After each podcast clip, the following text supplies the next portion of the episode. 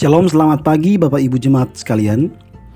Mari sebelum kita memulaikan segala aktivitas kehidupan kita hari ini, saya mengajak kita bersama terlebih dahulu merenungkan satu bagian firman Tuhan yang saya pilihkan buat kita dari Injil Matius. Matius pasalnya yang ke-22, ayatnya yang ke-41 sampai dengan 46.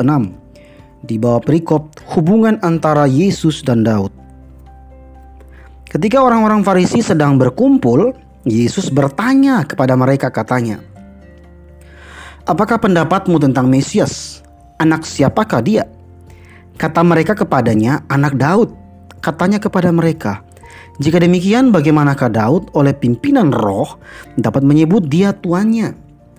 Ketika ia berkata, Tuhan telah berfirman kepada tuanku, Duduklah, duduklah di sebelah kananku sampai musuh-musuhmu kutaruh di bawah kakimu. Jadi, jika Daud menyebut dia tuannya, bagaimana mungkin ia anaknya pula? Tidak ada seorang pun yang dapat menjawabnya. Dan sejak hari itu tidak ada seorang pun juga yang berani menanyakan sesuatu kepadanya. Bapak Ibu jemaat sekalian, membongkar pemahaman yang salah dalam diri seseorang memang tidak semudah membalikkan telapak tangan. Apalagi jika orang tersebut tidak mau belajar, tapi sok tahu, merasa diri paling benar.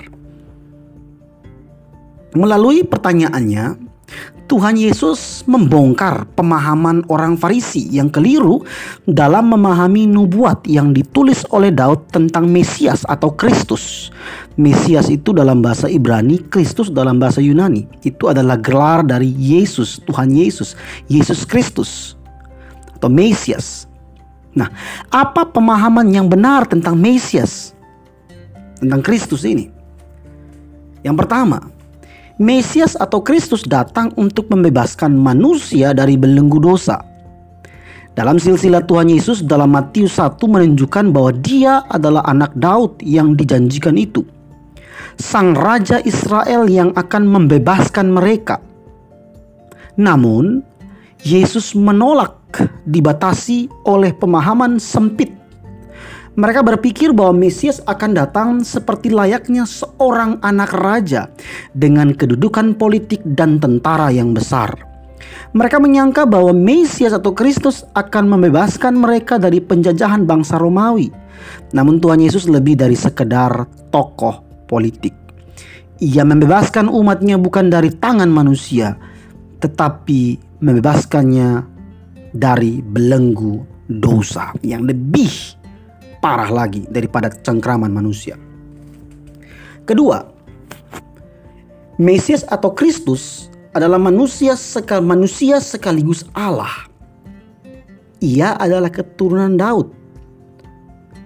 Orang Farisi mengetahui kebenaran itu. Namun Mesias atau Kristus yang adalah anak Daud itu disebut juga tuan darinya dari Daud dalam tulisan Daud dalam Mazmurnya. Seorang ayah selalu lebih tinggi daripada anaknya. Bagaimana mungkin seorang anak juga adalah tuan dari ayahnya? Apalagi dalam konteks Daud yang adalah raja. Kalau raja berarti dia paling tinggi. Tidak mungkin anaknya lebih dari dia. Wong dia raja.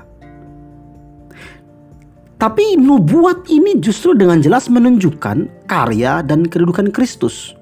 Nah, Mesias atau Kristus ini dikatakan duduk di sebelah kanan Allah. Nah ini merupakan gambaran Tritunggal Allah Bapa, Allah Anak, Allah Roh Kudus. Yang secara hakikat atau esensi setara dalam kemuliaan, dalam segala sesuatu. Nah melalui pertanyaan yang Tuhan Yesus ajukan, Tuhan Yesus berharap orang Farisi mengerti bahwa sekalipun Mesias atau Kristus adalah keturunan Daud, ia juga manusia. Mesias juga adalah Tuhan oleh Daud menunjukkan bahwa ia adalah Allah juga. Manusia sekaligus Allah juga.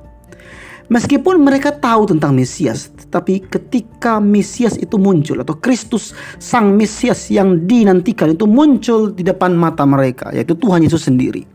Mereka justru menolaknya. Nah, Bapak Ibu, demikianlah gambaran Mesias yang sebenarnya yang dipahami oleh orang Farisi dengan cara keliru. Bagaimana dengan kita yang hidup hari ini? Gambaran Mesias atau Kristus seperti apakah yang ada di benak kita, dalam pikiran kita? Mesias atau Kristus sebagai penyembuhkah? Pemberi hidup berkelimpahan secara materi kah? Penuh berkat kah? Yang akan selalu menyelesaikan persoalan-persoalan dan pergumulan hidup kita kah? Ataukah Mesias atau Kristus seperti yang dinyatakan oleh Tuhan Yesus sendiri?